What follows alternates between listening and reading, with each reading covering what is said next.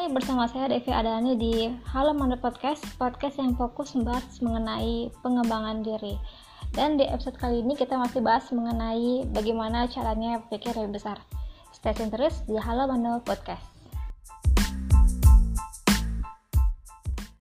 Hai, masih bersama saya Devi Adani dan episode kali ini kita akan bahas mengenai motivasi intrinsikku.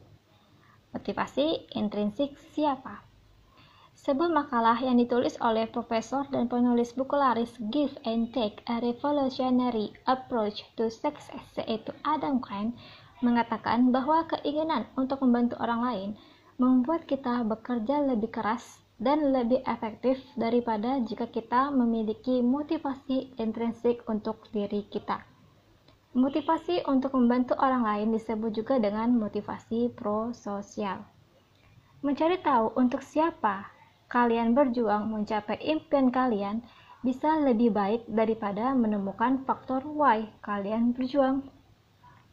Jika kalian sudah memiliki visi yang bersumber dari motivasi intrinsik, pertimbangkan untuk menambahkan motivasi pro-sosial. Jika kalian memiliki tujuan untuk membangun bisnis miliaran rupiah untuk menantang diri kalian sendiri, Cari tahu alasannya kenapa bisnis kalian memberikan perubahan positif bagi dunia dan jadikan itu visi kalian.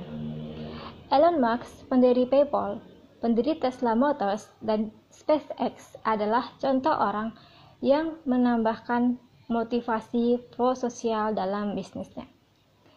Dia berkata, sebelum menjalankan bisnisnya, dia berpikir masalah apa lagi yang paling mungkin mempengaruhi umat manusia bukan dari perspektif apa cara terbaik untuk menghasilkan uang.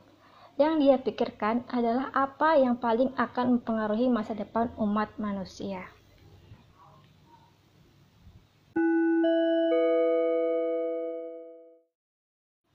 Oke, itu tadi adalah penjelasan mengenai motivasi intrinsikku. Untuk kelanjutannya, kita akan bahas di episode berikutnya di Halo Mano Podcast. See you!